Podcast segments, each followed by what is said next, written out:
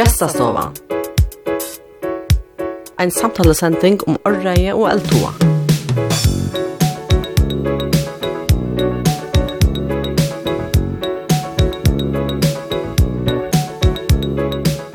Det var en kyrkjeomvæling i Norge-Tyskland i og knytte Saltatlanda til Abbe Møller-grunnen, som ta avtattna i futja i en fittanpart av det som ser merta frangstegna i mentanarhuset i atførere. Dagsens gestur tjekk undan i hesson atætje at gjerra gamle i til eit oppbyggjande savningarsteg. Men eisen kjenner krav som prest og loftmila folk, tog han opprunalig atleir ser heilt æra yrkjeslai. Ja, hetta vera en avaverd løta i gestastovene. Musik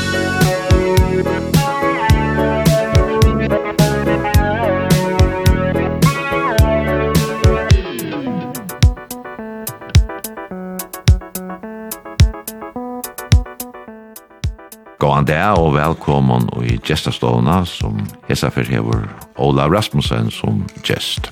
Og Olav han var rønt nok ved løven akkurat nå er han stjåri og i salt som han nesten hever arbeid nok for det og han har vært virkelig prester i flere London. Men han atla enn helt anna som unger. Men takk unger nærje nå settene. Lorta bæra og velkommen Oliver. Takk. Jeg kondolerer vi pappa som just nu er færre om foldom fra Peter Martin Rasmussen, prester. Stora takk for det, ja. Du virker ikke som prester til Gjerreferden. Hvordan var det? Det er uh, sidr enn, um, ja.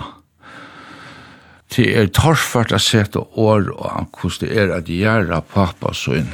Um, mm, og metal det er torfart å sette år og Men jeg var glad for at du gjør det, at han og at det var gjørst. Jeg affrøy meg vet det, men jeg valgte så at jeg gjør det likevel.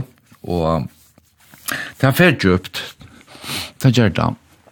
Men det var jo også fire år gav på. Det er som er brått i egg. Ja. Men takk for det, jeg sier årene. Altså, det er ikke alt som årene lyser likevel. Nei. Nå nevner jeg det prestet gjerne, Det var... Uh Bogra med to, akkurat nu för då inne koncert du mest kjente for Salt. Saltprojektet var mentenar, ja, Haborgsna. Du ble prester och kvalpa, det var så att du kom til Soria, ja? Ja. Jeg søkte prestastarv i Kvalpa i Nudj og Halvfems. Da har jeg starvast i kringvarpen noen år. Og til starve fikk jeg så, og så får jeg sår, og jeg tok vi starven nå først i 2000. Så det er jo mer enn 21 år siden jeg kom sår. Hvordan kommer det så inn i saltatlandet?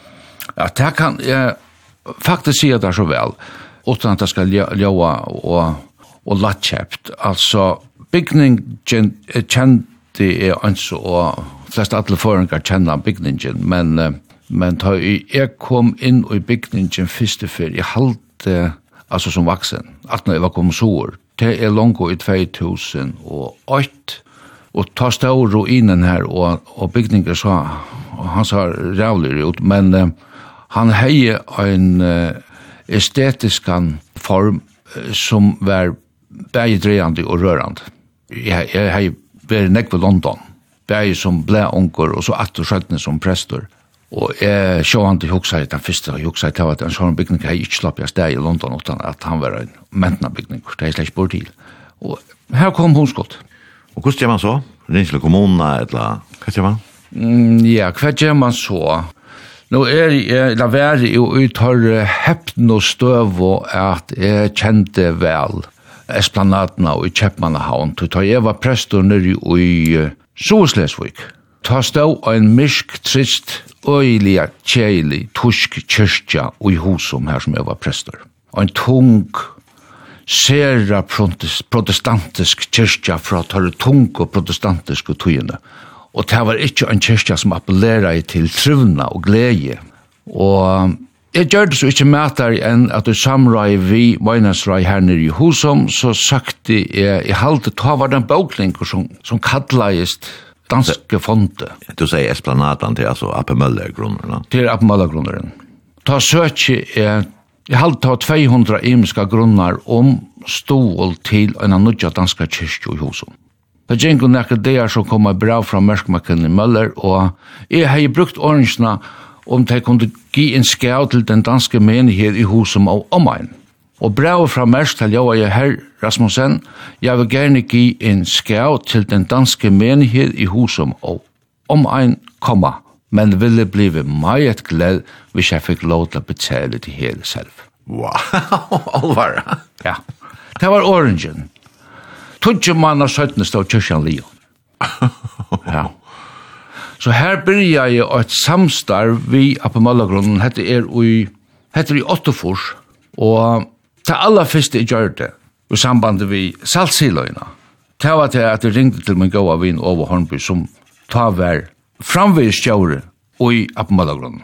Han var øysen stjaure til vi bygd kyrkina. Og jeg får sinne gulvet tja Ova og Esplanadene og forklarer igjen om prosjektet og her starta jeg da. Hvordan kom taltar til endans av prosjektet nå?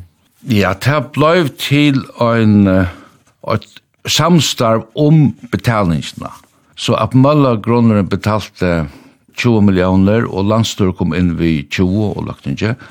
Og stateren kom vi 18, og så gav landstøyre refundering av momsen av træt, så det blei en større kapitaler. Men det har vidt søvn at Malagrunnen hever hinge vi i prosjekten og lykka søgjane, og her er Østene, her, vi da finnes nekva rådgjeving som tar av betalt, og her er flere millioner som många av de er skrasett, må man si, at det har vært utrolig trygg for å møte prosjekt Salt. Men alt i alt så stendte bygningen där og han betalter. Hvordan vel visste du hva det som brukes til til et foregang? Det har ble beskrivet rettelig vel, og det har beskrivelse ligger, jeg vet ikke om det er allmenn framme, men det her var myndlagene i fargen. Og det skal så øyne sies i samband vi prosjekt SALT. Det er alltid skilt jeg sier, at et sånt prosjekt kommer ikke på stand av seg selv, og det var omedelig tydninger mye kommunene og tvørere, ta og ta viste seg at på kvar tommelen opp. Hvis ikke annars alt gikk upp som det skulle. Er kommunerna tvörar var vi. Og til skal kommunen, hette nek var siden, ta var det framvis Kristian Mikkelsen som var borgarkjøret, og til skal kommunen øye at at det var nøy å halda fullkomelig tatt om prosjektet, og i lengt samlet at hyr har det kom ut allmänt. Det er etla heita vi bomba nye på en av veien.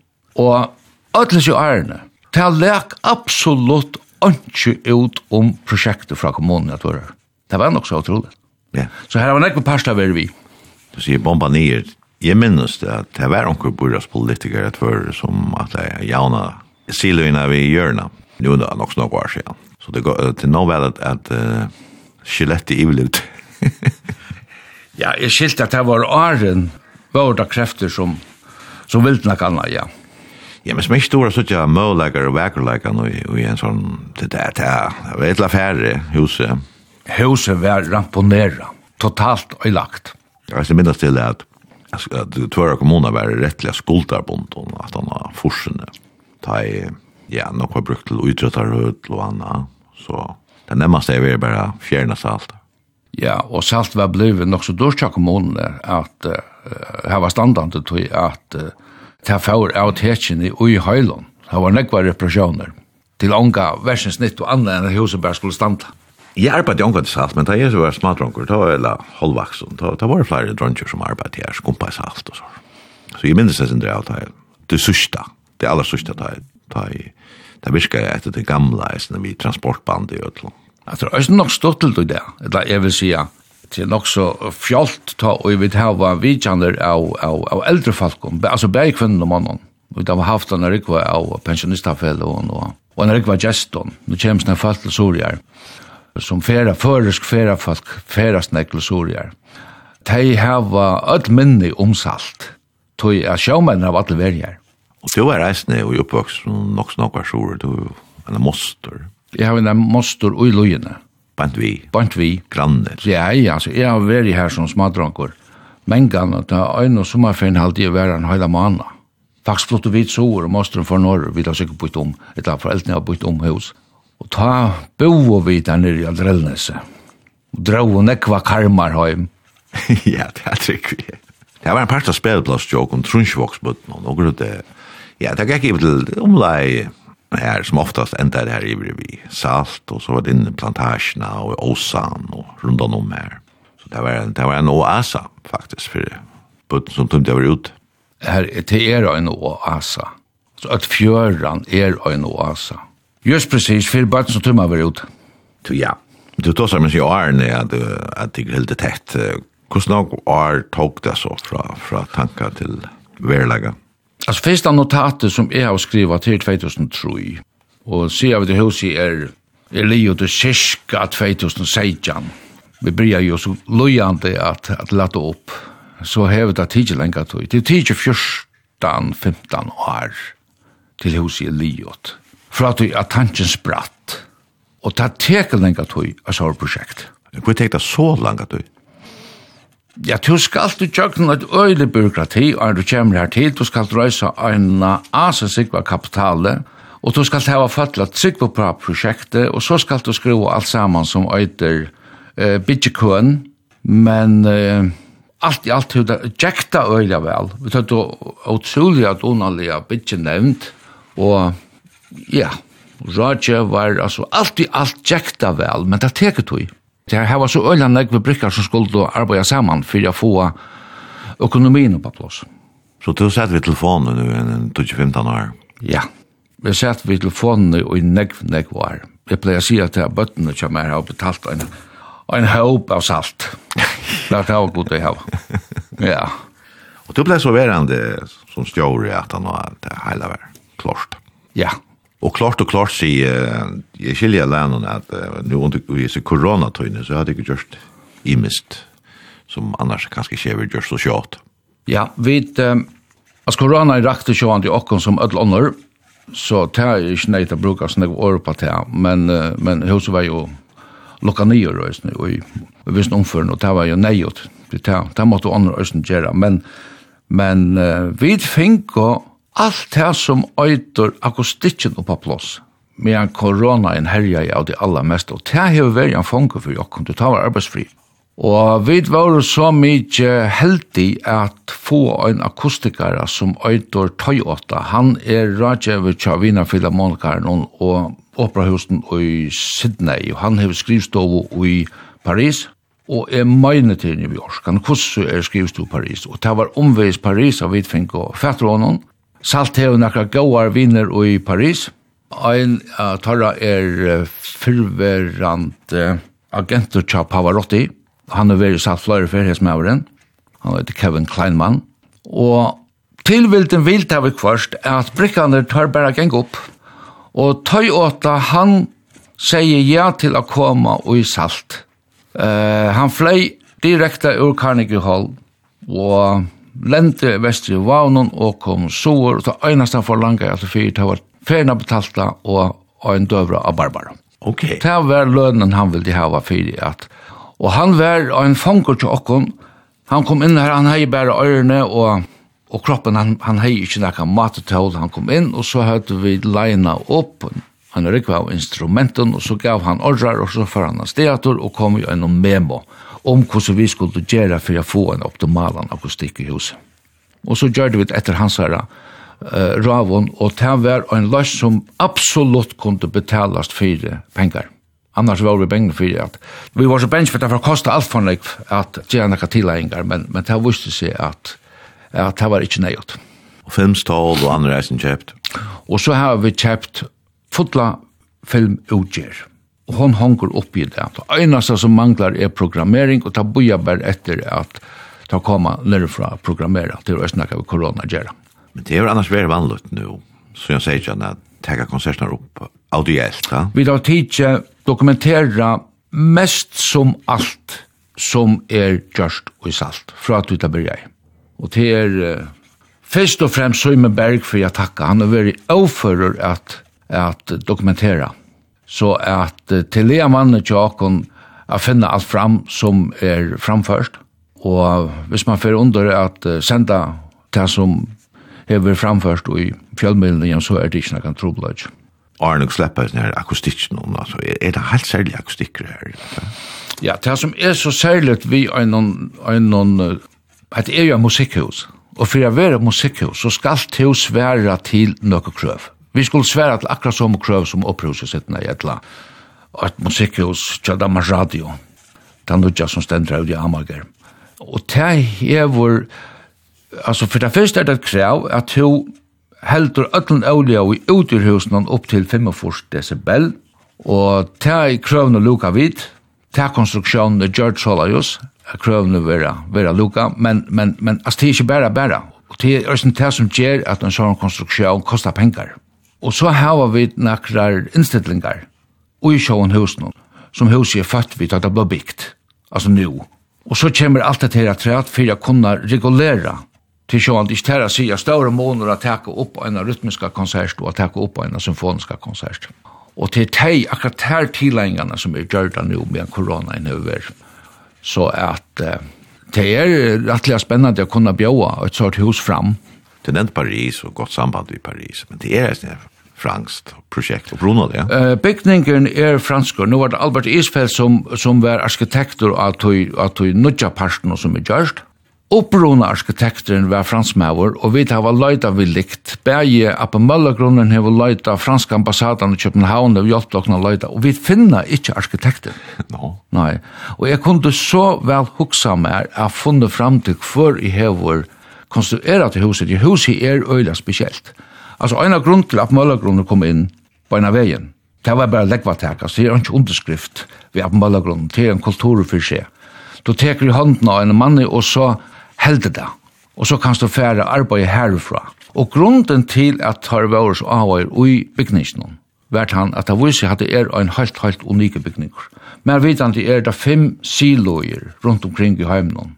Angen hever han røyna parabelen som saltsilen og drellens i hevda. Hinn er meira flæter og i strukturen.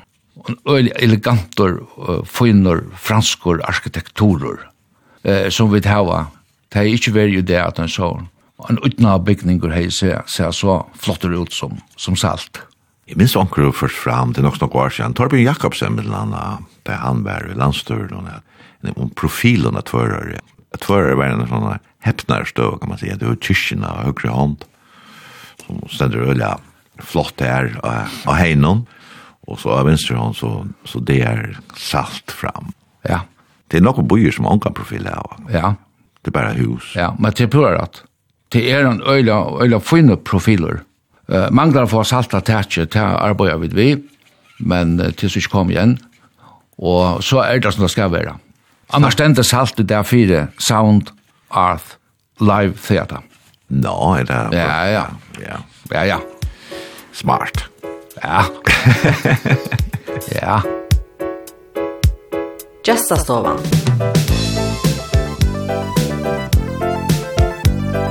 Gestur er Olavur Rasmussen.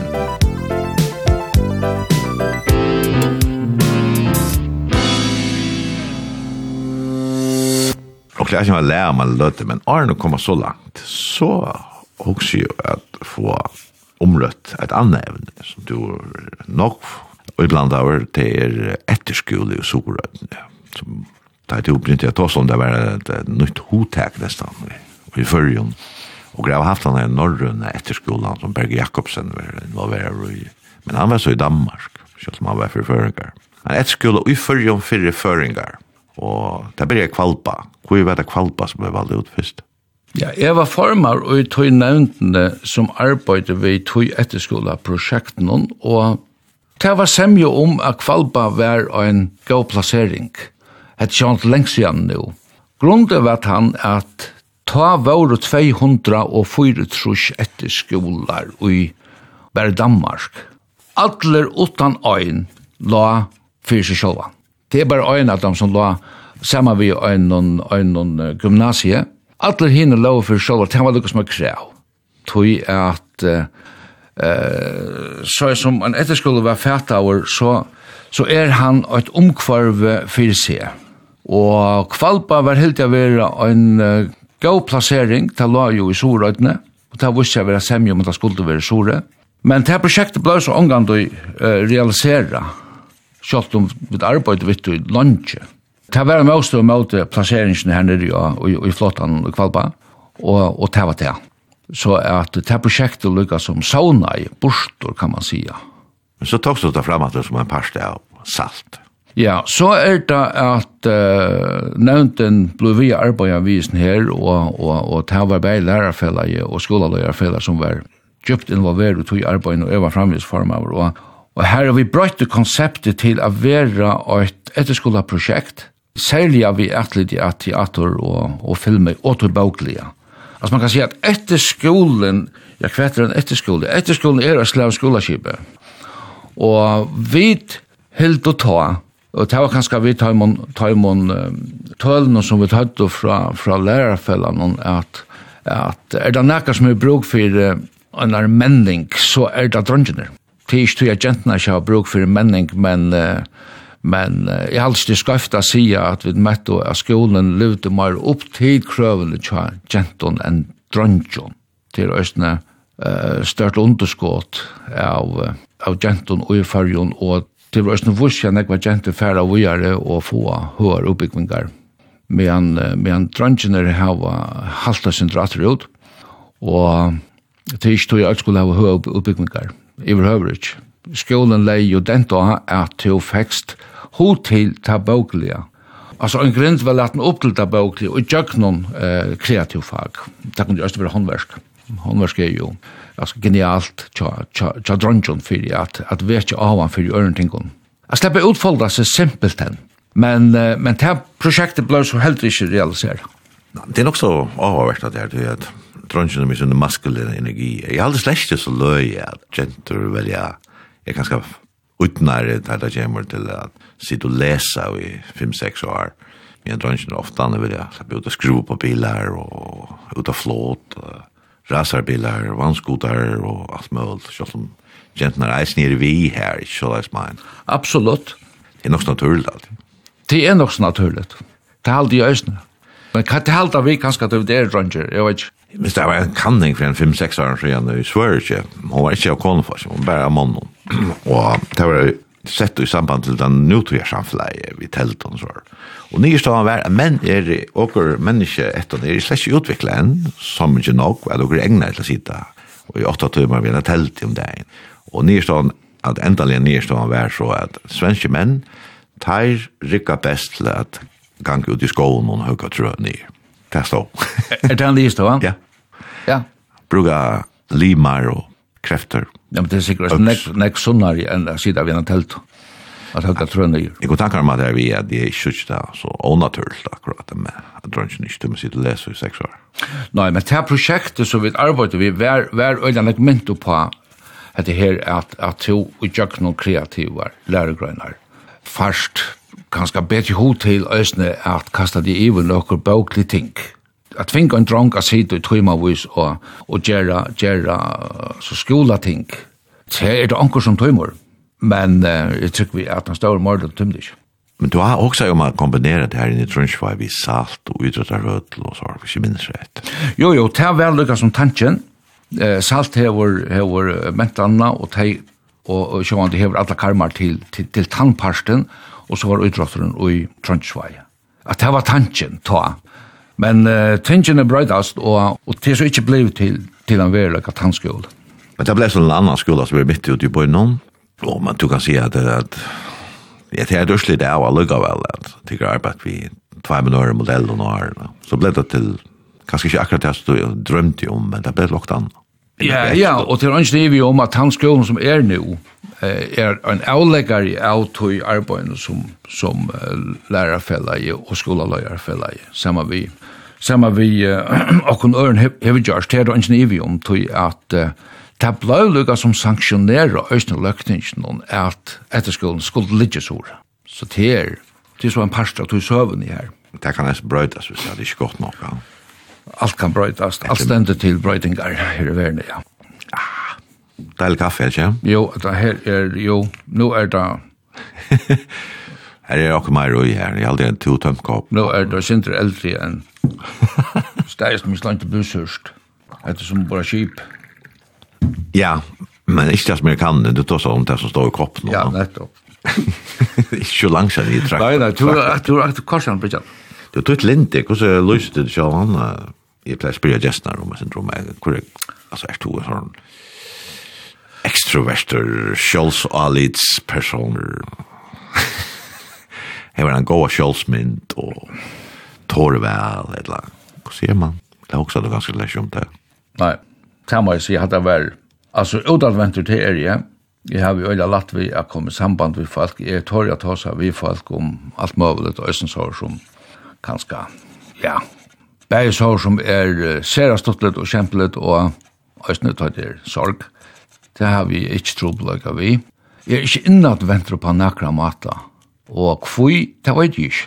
Altså, jeg, hvis jeg hukse atter og, og ta i gjerra i pappa min, så var jeg nok snakk inni å sånne tingene. Altså, det er så gamle fantastiske menneskene som, eh, altså forfedrane tja pappa, som... Eh, jeg var så heldig at oppleva. Øyla nekva taim og falkon har vært latsint, og i hava doa vel at give løyvnun og godt skosmal. Og det halde er en gava a få, som smadranker oppleva det. Altså jeg sier at det er stort. Ja, du nevnte sorg her, at, og jeg er ferdig på pappa din, men du får atri samband vi en sannsjon, den fyrra sannsjon som du valgt, så får det du prestakrian. Men er det gjerne for?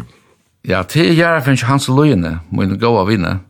Det så er at det var bare, bare en vik om middelen, at det gjør jeg pappa, og så, og så får hans.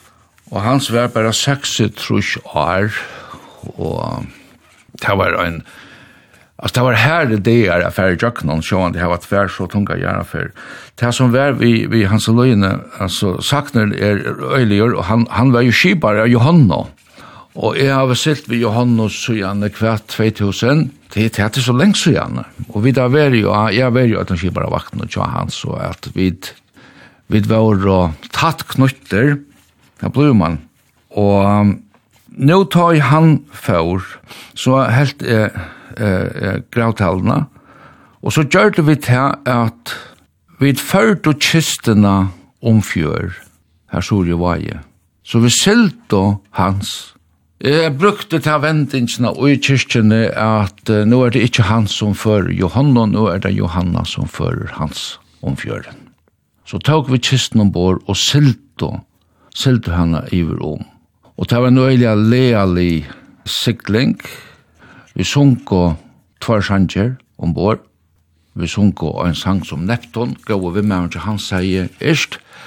Og det var leie Amazing Grace. Og, og så medan vi silte fram ved landet, bant og æren vid lødde og æt. Så, så sunko vi løy mi ei øyna for enn ut av dette. Og det var en av interessantene til han som bare sloppene. Og han har jo nu vi tonest. Musikk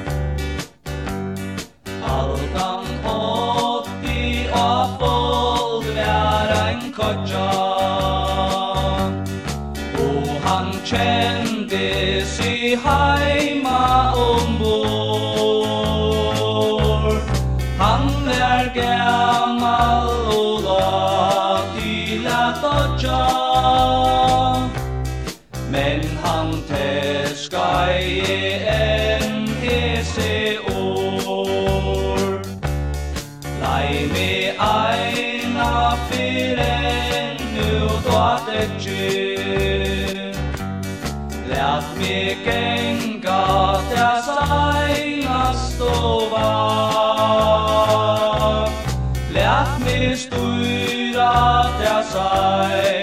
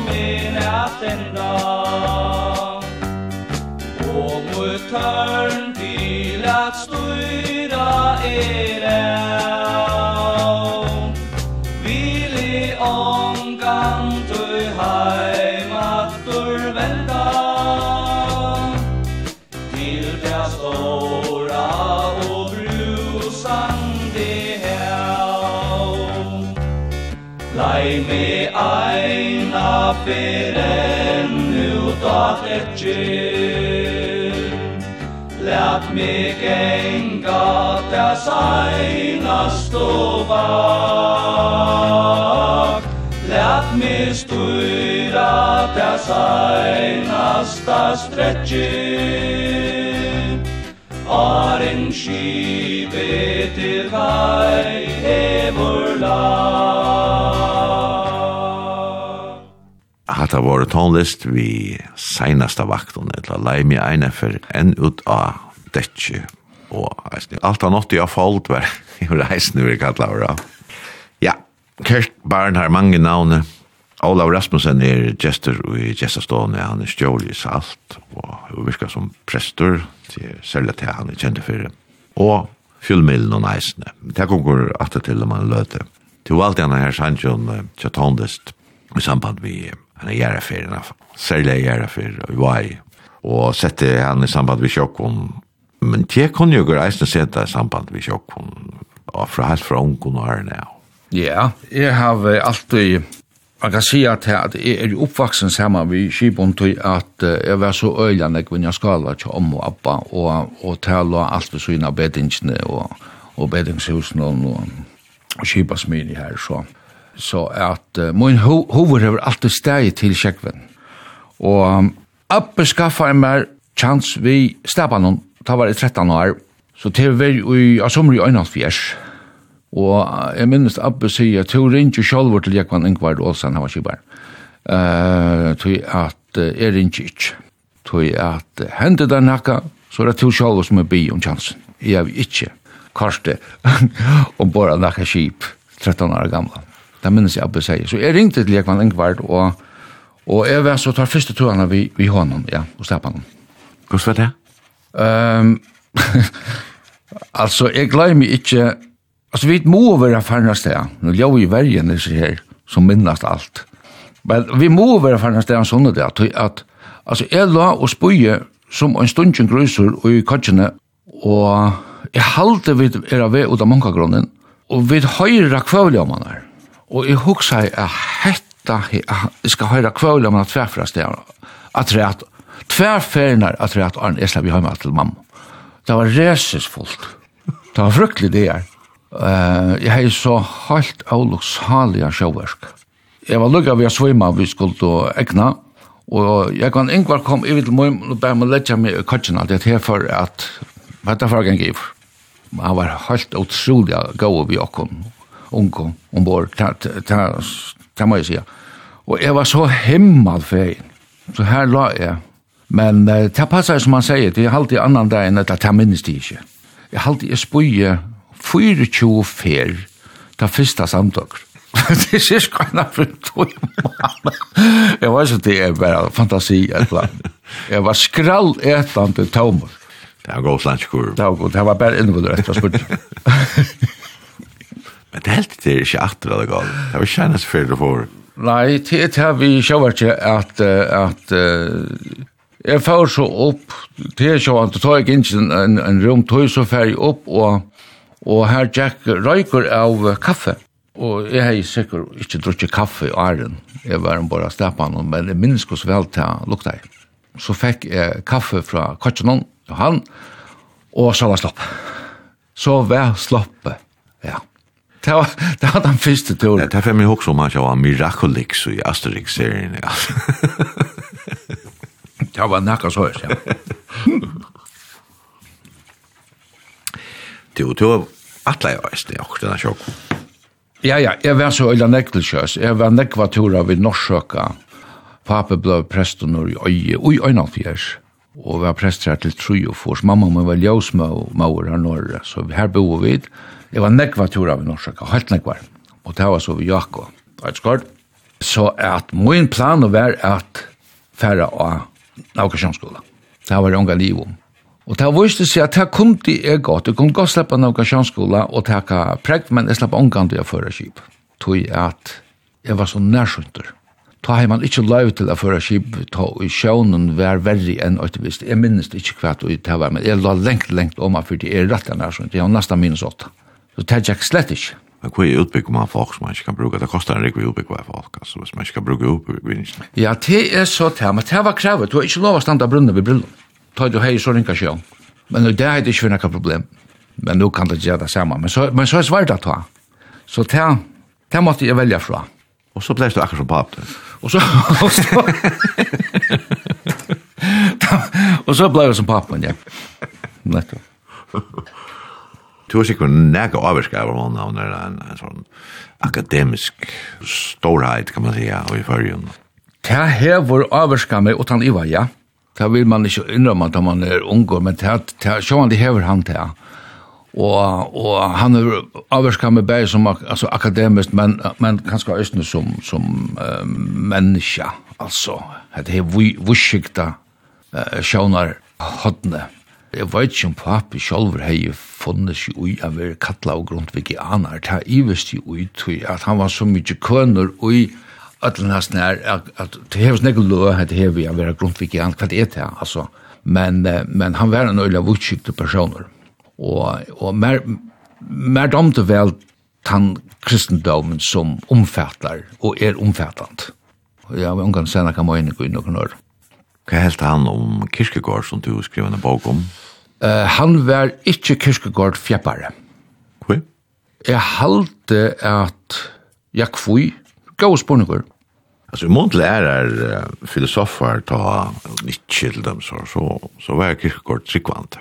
Han tror på frelse och Og ja, ja, ja, ja, det var ikke her det var, jeg halte det var mer eksistensialismen som kanskje gjør det skillene i tja nekvon, nekvon uh, teologen. Altså, pape var mer avskaur av, uh, han var mer interessert av kyrkjesøven.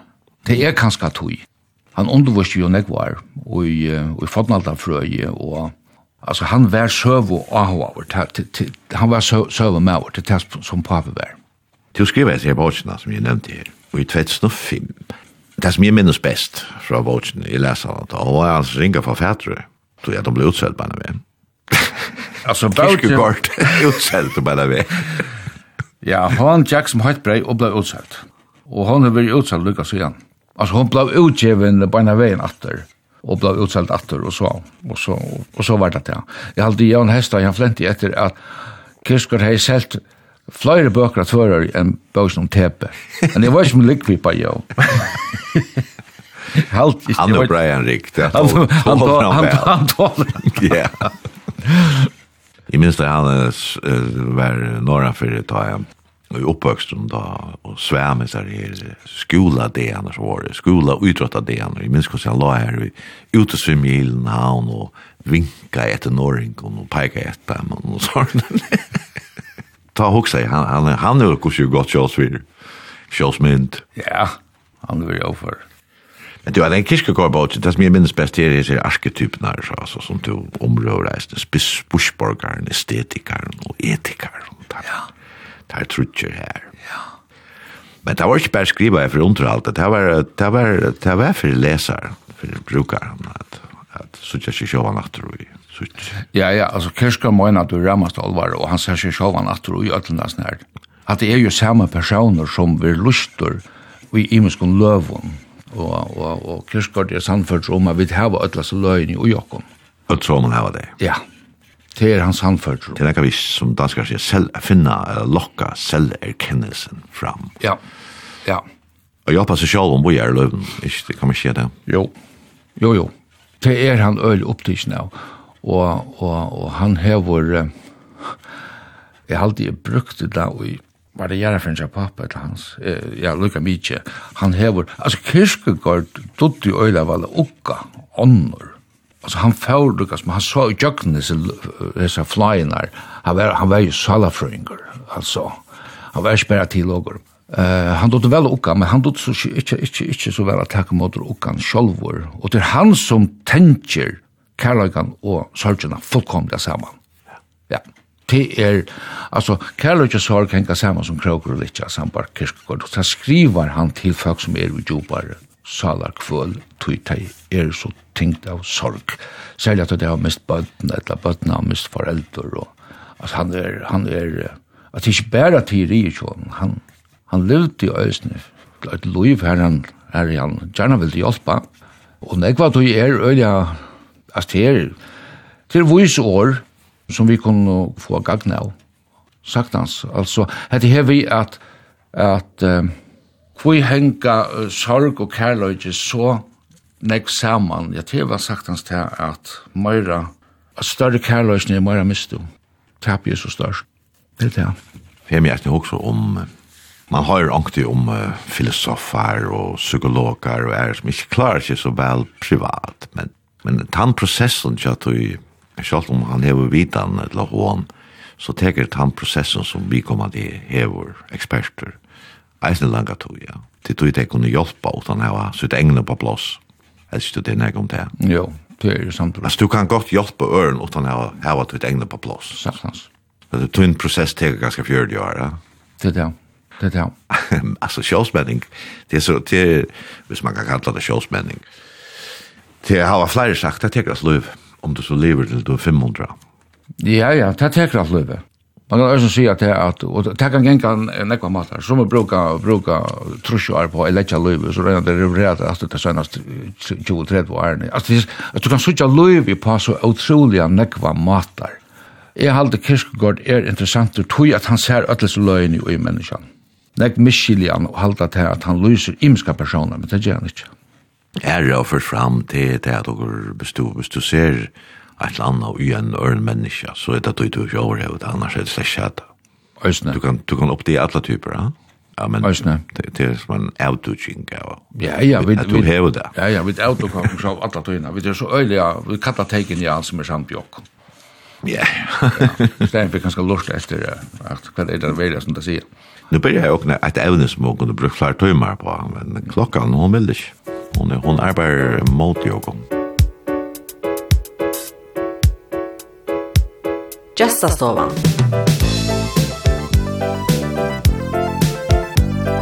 Gestur er Olavur Rasmussen.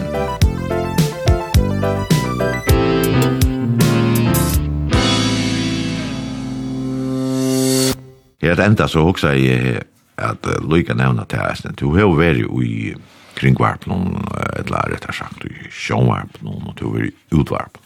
Men ta vær hun, og hun, hon, kvett, du får fra henne i eisene, er tømte du ikke, eller hva? Mm, jo, jeg tømte vel. Utvarpet var jeg, altså, alle gav vi. Man tømte øyla vel utvarpet. Man tømmer en utvarp. Og det er ikke du sier her nå, men, men utvarpet er et fantastisk medie, alt, ja. Det er snakk nemmere at, at, at gongelet, og, og at det hever at samrøva er avaverst. Jeg halte til er, det er veldig viktig, og jeg halte i udarpet gjør omgang for nek borsjord at hosa vi folk, og det gjør ikke om, om, om man hever lattere sendinger, det er ikke helt ikke man får ordentlig kjøpt. Altså, ikke pette. Um, jeg arbeidde så i Sjarpen Østene, og det var, uh, mitt andre det i Viko, det var bare ikke jeg arbeidde i Viko, det kan lengt vi kjenner. Men, men, men, men da man vel ikke gjør sendingar, og da jeg husker at om det sendingar som er gjørt, så snodar seg alle om samrøver og til at, at, at lysa, lysa folk og ta sammen folk. Og jeg halde til, til tøtninga mykje. Gjør det, det er ganske, vet jeg ganske det seneste du gjør det, men klaksukstruje. Det er sånn sender som gjør medan er, er i Sore, og det var også spennende sendingar gjør Ja hon var så oppe etter Ørvuse. Um, ja, det var en sera spennende sending. Men nå er det så salt. Hvordan husker du fremtøyene i salt, langere perspektiv? Det alla alla första som jag huxat bestanda spåren så jag var väl en fonte och i det vi vi vi går tonlagare om en stora konsert ganske usetullig å si hva det er for en konsert, men det er en større konsert, og, og hette første fer så gjerne marsmann i fjør at vi kunne ta oss om større konserter. Hun er så ikke enn, hun er så ikke før i november, men Men jeg vågner veldig at vi nå kunne stevne fram mot normal tøyen. Og, og, og, og fjør skulle være år her salt offisielt lagt opp i samband med at det var 20 år siden Storskonserten var, den store kjempekonserten, konserten var ruinene. Mm Vi har omgang haft en ordentlig opplating. Men tøyen er ganske færen fra tøy, så det som er sykje firmaer i fremtiden er, er salt fær, fløyre, fløyre bøyen er standa. Altså vi nå har vi uh, toneløgjen, og vi har sjånlagerfella som har vært helt, helt fantastisk, og vånande vi tar realisera nå at vi sjånløgjen, og så har vi finnes filmsugjerna, så har vi biografen. Jeg vånner vi har større samband vi fjallmøyler, få en mila mer ut her som vi gjørst her sjore, til øysene av korsen hon, og i hele tiden virka som et mentnarhus som sast atur og i tjenesten her i følge. Takk for det, Olav Rasmussen at du ville komme i gestastående og greia fra. Det er flere evner som dere kunne tidsje opp, men det må være en ære for. Du er reisner rundt i politikk og forskjellig sånn. Ja, det er fer. Og fri over mitt. Og enda vi The Academy of St. Martin in the Fields. Og du var et stikje ja, Johan Sebastian Bach, som, som er en gammel mauer, han døg i 1612. Men han, eh, Johan Andreasen, kjentur pianister, han har grøtt meg fra, han, han, han underskrev alltid sin tonleik, akkurat samband vi, jeg har glemt akkurat året rett, hvis det var okkur alla tøyne, til god til okkur sort. Så han var veldig tryggvande med Og jeg vet eisen alternativer healere som brukar bak, som som meditationstalar. Selv om det er kyrkjemusikk. Men kyrkja kan jo eisen være en, en hiland stavur. Ja, og til alt denne. Ja. Alt det beste vi salt, og alt det beste sommer. Ja, takk som løs, Jakob, og alt det beste. Sjåver. Takk for det.